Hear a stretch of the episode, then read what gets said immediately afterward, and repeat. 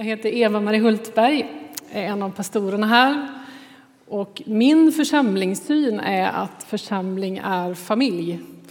Och i min familj så kallas jag för E, så det får man också gärna säga. Så nu vet ni det om mig. Vi har startat ett tema i och med idag som vi har valt att kalla Under ytan. Det ska handla om bön.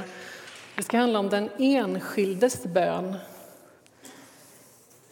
Och I första påsyn så tänker jag att det kan låta som att det är förkunnelse till församlingen, till den som är troende. Men jag hoppas att om du är här för första gången eller mer är liksom på väg mot en tro, att du ska uppfatta någonting om vem Gud är och att det här gäller dig också. Just nu så är det ju nyårslöftenas förlovade land, eller hur? Eh, en gissning från mig är att försäljning av gymkort och träningskort och stegräknare och fräscha nya almanackor och tomma block och planeringsverktyg skjuter i höjden. Trängseln på Friskis brukar lägga sig framåt februari. Det är en sån tid på året.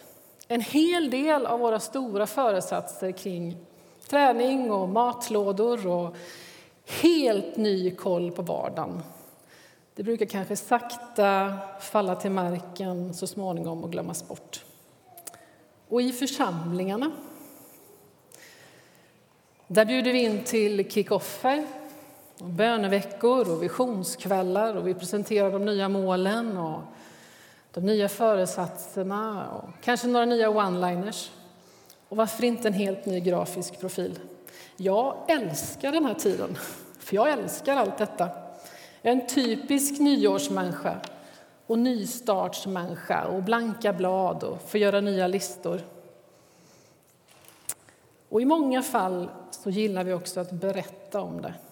Visst är det först då som det blir riktigt verkligt när vi skildrar våra liv och föresatser i vackra bilder.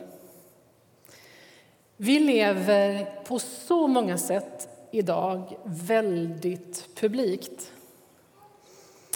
Vi lever i en tid som präglas så mycket av yta, av liksom pepp och marknadsföring. Och vi är det som vi lyckas visa upp.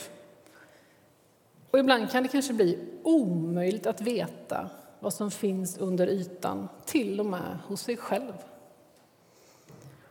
Och visst är det jag säger precis nu hittills både klyschigt och ganska uttjatat, men inte desto mer sant. Hur ska vi som församling då kicka igång det här nya året? Hur ökar vi tempot, maxar framgången och hörs allt tydligare? Ja, I det här temat kommer vi med en ganska beige eh, strategi, kan man tänka rent mänskligt. Vi skulle nämligen vilja uppmana till att söka oss under ytan till den Gud som verkar i det fördolda, som ser till hjärtat och som väljer det som mänskligt sett ingenting var. Vi skulle vilja uppmana till att ägna oss åt den viktigaste rörelsen, den till Jesus själv. Att låta det bli den ständiga rörelsen Oavsett var vi befinner oss, oavsett hur långt ifrån eller hur nära Jesus vi är, att rörelsen skulle få bli närmare Jesus, oftare Jesus, mera av Jesus. Mitt i all vår längtan till Jesus, med all vår längtan till Jesus. Mitt i alla behov och med alla behov till Jesus. Med glädjeämnen, oro, besvikelser och tacksamhet till Jesus med de stora besluten, de stora frågorna till Jesus. Tänk om vi ännu mer kunde få lägga av utanpåverk och yta, duktighet, krav, masker och söka oss under ytan till honom själv. Han som verkar i det fördolda. Han som vill att vi bottnar i honom själv och som verkar djupt i våra liv när vi låter honom. Och nu ska jag läsa ett långt bibelsammanhang som kommer ligga till grund för det som vi kallar för 21 dagar av bön där vi alla kan få under 21 dagar med start idag läsa en enda bibelvers om dagen. Be en skriven bön och reflektera över en fråga. Det här är en kärv text. Jesus eh, skräder inte med orden. Och jag kommer läsa från The Message som är en slags ganska omarbetad version av Nya testamentet. Eh, så att man ibland hajar till, för en del av oss kan de här texterna väldigt väl. Och rubriken över det här textavsnittet är Världen är inte din scen. Evelin Ertman, en av våra dramatiker i församlingen, skulle läst nu. Ni får tänka att hon gör det, hon är sjuk. Så nu blir det helt vanlig läsning. Var mycket noga med att inte göra goda gärningar bara för att hösta in applåder och vinna beundrare. Även om det skulle bli ett gripande skådespel kommer inte den Gud som skapade er att höra till fansen. Slå inte på stora trumman när du gör något för någon. Ni har säkert sett dem, skådespelarna. De som förvandlar såväl bönemöten som gathörn till scener där de kan spela barmhärtiga inför alla som råkar vara där. De river visserligen ner applåder, men det är också allt. När du hjälper någon, bry dig då inte om hur det tar sig ut. Bara gör det, stillsamt och utan att tränga dig på. Det är ju så som Gud, som skapade dig av kärlek, hjälper dig. Han är ständigt i farten bakom scenen. Även när du vänder dig till Gud ska du akta dig för att göra teater av det. Så många det finns som gör rena showen av sina böner bara för att andra ska se upp till dem, som om Gud skulle sitta på första parkett. Hör vad jag säger, gå till någon lugn plats där du kan vara ensam så du inte frestas att spela teater inför Gud. Var så enkel och så ärlig som du bara kan. Då kommer fokus hamna på Gud istället för på dig själv och du kan börja ana hans gåvor. Världen är full av böneatleter som inte förstår vad de sysslar med. De har sina recept, femstegsprogram och expertråd och försöker kränga tekniker som ska få Gud att göra som man vill. Gå inte på det. Det är er egen far ni har att göra med. Han vet vad ni behöver. Han vet det till och med bättre än er själva. Eftersom ni har en sådan Gud som älskar er kan ni be mycket enkelt. Så här. Vår far i himlen, visa vem du är. Gör allting bra. Låt det bli på bästa sätt, här nere precis som där uppe. Låt oss leva och få det vi behöver. Låt oss leva ihop med dig och varandra, förlåtna och förlåtande. Skydda oss från oss själva och från djävulen. Du bestämmer. Du gör vad du vill. Du strålar av skönhet. Ja, så är det. Vad Gud gör och vad ni gör hänger ihop. Ni kan till exempel inte få förlåtelse av Gud om ni inte förlåter era medmänniskor. Om ni vägrar att göra er del får ni inte heller tillgång till Guds förlåtelse. När du offrar din bekvämlighet för att istället koncentrera dig på Gud ska du inte stoltsera med det. Det skulle kanske ge dig en stund i rampljuset, men rampljuset gör dig inte till helgon. När du ägnar dig åt inre styrketräning, var då som vanligt till det yttre. Tvätta och kamma håret, borsta tänderna, tvätta ansiktet. Du behöver inte skrika för att Gud ska höra. Han glömmer dig inte när han delar ut sina gåvor. I den här texten talas det om tre andliga övningar. Allmosor, bön och fasta. Och allmosor är att ge pengar till de fattiga, till den som behöver. Det här var tre viktiga moment, tre självklara uttryck för fromhet bland judarna. Och det är de som Jesus talar till i den här texten. Och allmosor är här någonting vidare än bara just att ge gåvor. Det kan handla om tjänster, om hjälp, att göra goda gärningar. Och Jesus varnar för att göra det för att människor ska berömma oss för hur goda vi är. Också bönen var någonting ganska offentligt. Det fanns ett moment av att man faktiskt fick chans att visa upp sig, särskilt för de andliga ledarna. Och det fanns också en risk att be som hedningarna, alltså precis som de som inte var judar. De som hade många gudar. De behövde rabbla upp gudanamn, så många de kunde komma på, för att åtminstone blidka någon. Och fasta, det var något som man gjorde lite under buller och bång. Det syntes att man fastade. Och Jesus säger i den här texten att inget av det här ska vi göra för att skaffa oss poäng hos vare sig Gud eller människor. Vi ska inte låta folk veta att vi gör goda gärningar, ber och fastar. Eller för att inte du ska känna att det här är en total överdrift. Kanske snarare drivkraften ska inte vara att människor ska se att vi gör goda gärningar och ber och fastar. När det kommer till just bönen så tror jag att det är superlätt att vi tänker duktighet, att vi tänker att vårt böneliv och våra böner ska visa hur fina och andliga och överlåtna vi är. Och det i sin tur kan leda till att vi slut får vår identitet, hur duktiga vi är på att be. Men kanske också motsatt, att när vi tänker att vi inte är så duktiga på att be och ser på de som är så duktiga på att be så håller det oss tillbaka. Oavsett så blir det en sorts identitet.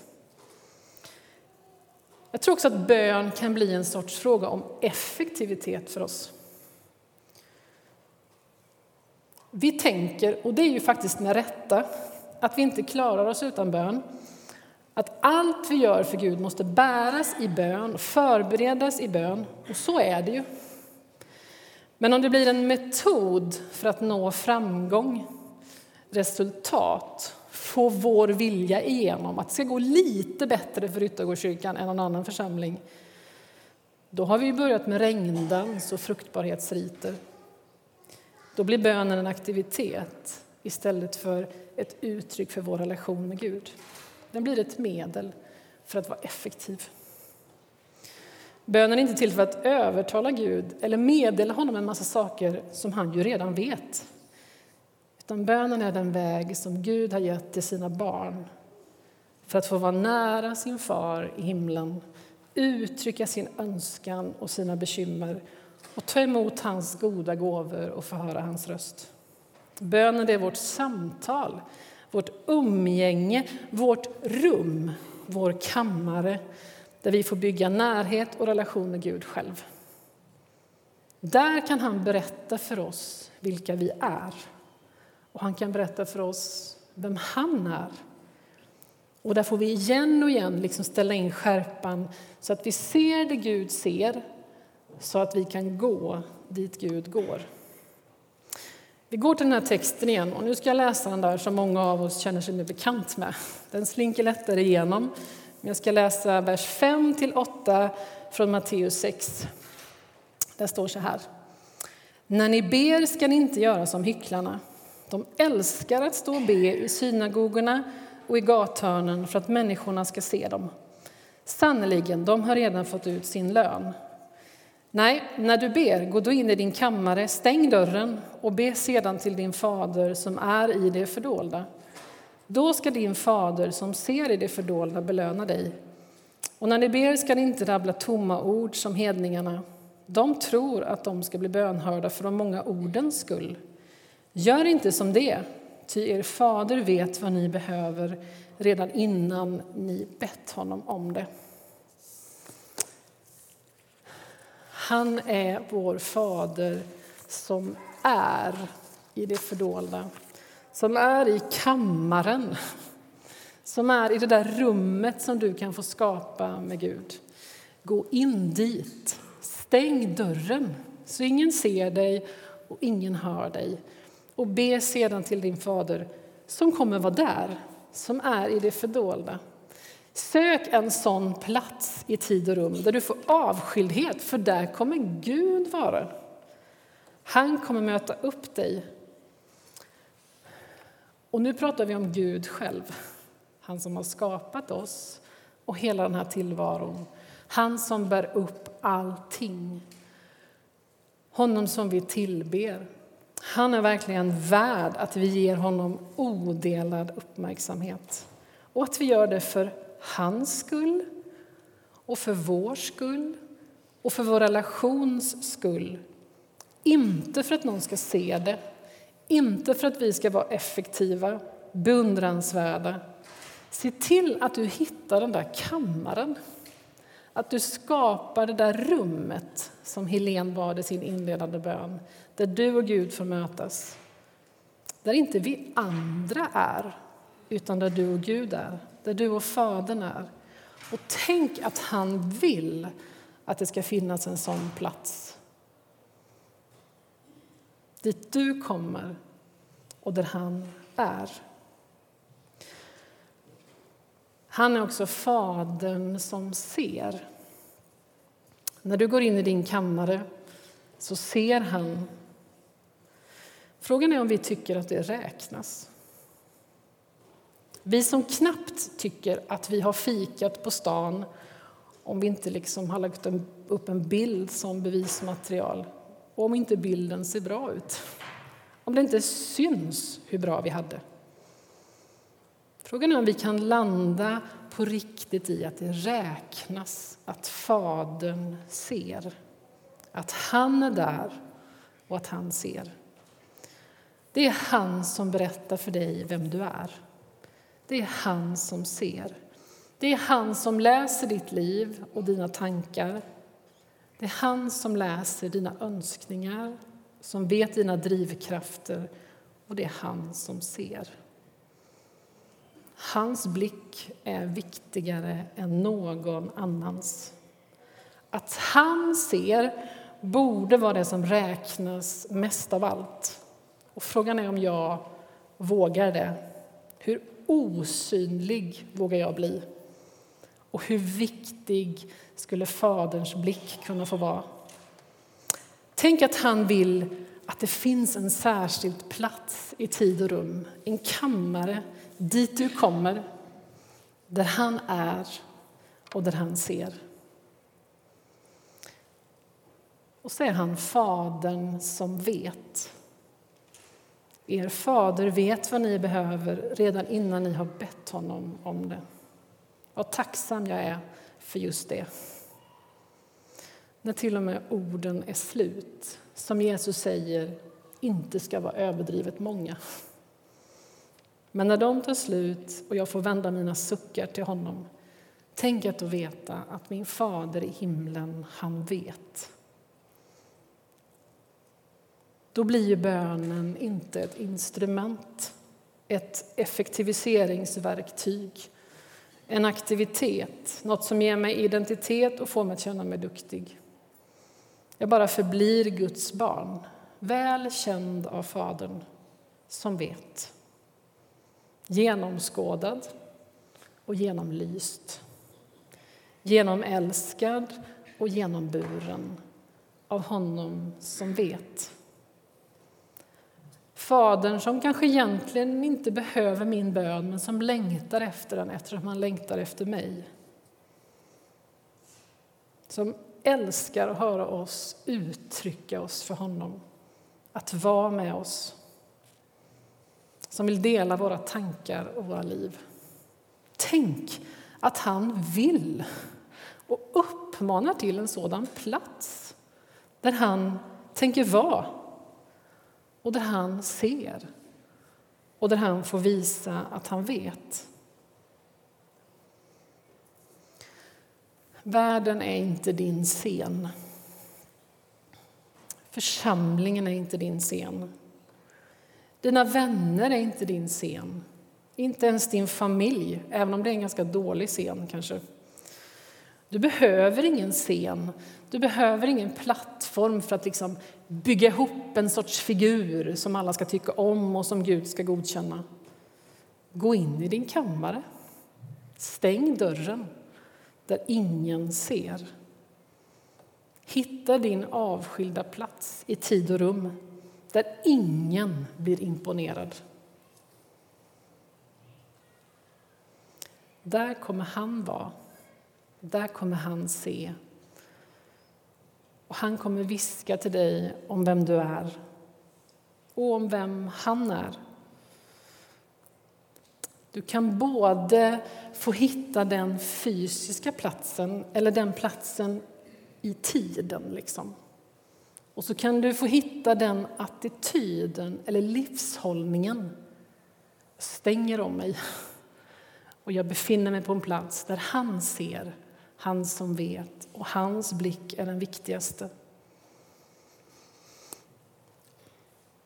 Givetvis så kommer inte vi stå och säga du ska inte gå på bönemöten där någon annan hör din bön. Du ska inte gå på gudstjänst där det kanske syns att du tillber. Du ska inte hjälpa människor i team så att någon annan får veta det.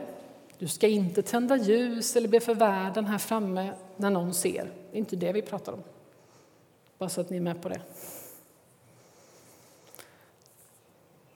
Se till att ditt liv pågår under ytan, utan yta, i det fördolda, osminkat, nära, ärligt och äkta. För det är så vi kan få veta vilka vi är. Och det är så vi kan få möta varandra. Där är Fadern, nämligen. Och där har han lovat att se dig och belöna dig. Och där kommer han visa dig att han vet. Låt oss be.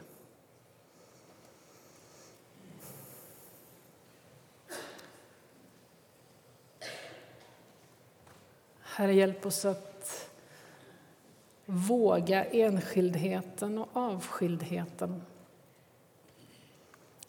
Hjälp oss att ge våra liv till dig där du får berätta för oss vilka vi är. Hjälp oss att få mod att, att sluta se på oss själva med inbillade andras ögon och istället bada i ljuset av din blick. Dra oss närmare dig den här vintern.